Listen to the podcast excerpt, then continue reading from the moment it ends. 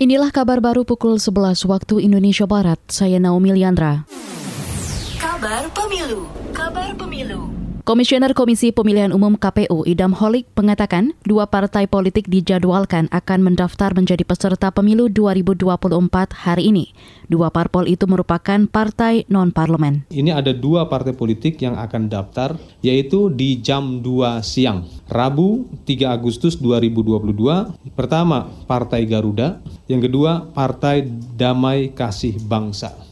Itu tadi Komisioner KPU Idam Holik. Sejak dibuka Senin lalu, sudah ada 10 partai politik yang mendaftar ke KPU, yaitu PDI Perjuangan, Partai Keadilan Sejahtera Perindo, Nasdem, Partai Bulan Bintang, serta Partai Keadilan dan Persatuan.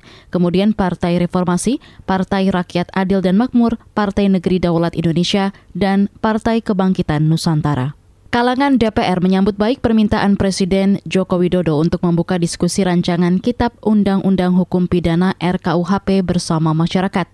Anggota Komisi Hukum DPR Taufik Basari mengatakan diskusi bisa membuat masyarakat lebih puas dengan materi undang-undang yang nantinya disahkan sikap yang sangat baik dari pemerintah ya agar kita bisa memiliki RKUHP yang tidak hanya dibahas terbatas oleh DPR dan pemerintah saja, tapi juga bisa melibatkan masyarakat sehingga masyarakat pun merasa memiliki RKUHP ini. Ke depan saya berharap ketika pemerintah sudah mendorong agar ada pembahasan terhadap RKUHP ini, kita bisa melakukan semacam konsultasi nasional ya, sehingga semua orang bisa memberikan masukan, terus berdiskusi dan RKUHP menjadi diskursus uh, publik. Anggota Komisi Hukum DPR Taufik Basari menambahkan, perlu ada simulasi penerapan pasal-pasal yang menjadi polemik dalam diskusi nanti, sehingga semua pihak memiliki pemahaman implementasi yang sama. Taufik juga memperkirakan pembahasan RKUHP di DPR masih akan berlangsung lama. Kita ke informasi mancanegara. China mengecam keras kunjungan Ketua DPR Amerika Serikat Nancy Pelosi ke Taiwan.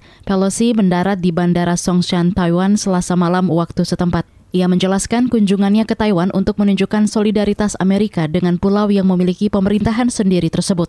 Merespon kunjungan itu, Tentara Pembebasan Rakyat Cina langsung menggelar latihan militer di dekat Taiwan, termasuk menerbangkan 21 jet tempurnya. Dikutip dari Antara, Cina menganggap kunjungan Ketua DPR Amerika Serikat ke Taiwan telah merusak kemitraan bilateral Amerika-Cina. China diyakini akan mengambil tindakan guna melindungi kedaulatan dan integritas wilayahnya. Kementerian Luar Negeri China menyatakan kunjungan Nancy Pelosi sangat merusak perdamaian dan stabilitas keamanan di Selat Taiwan. Demikian kabar baru KBR, saya Naomi Liandra.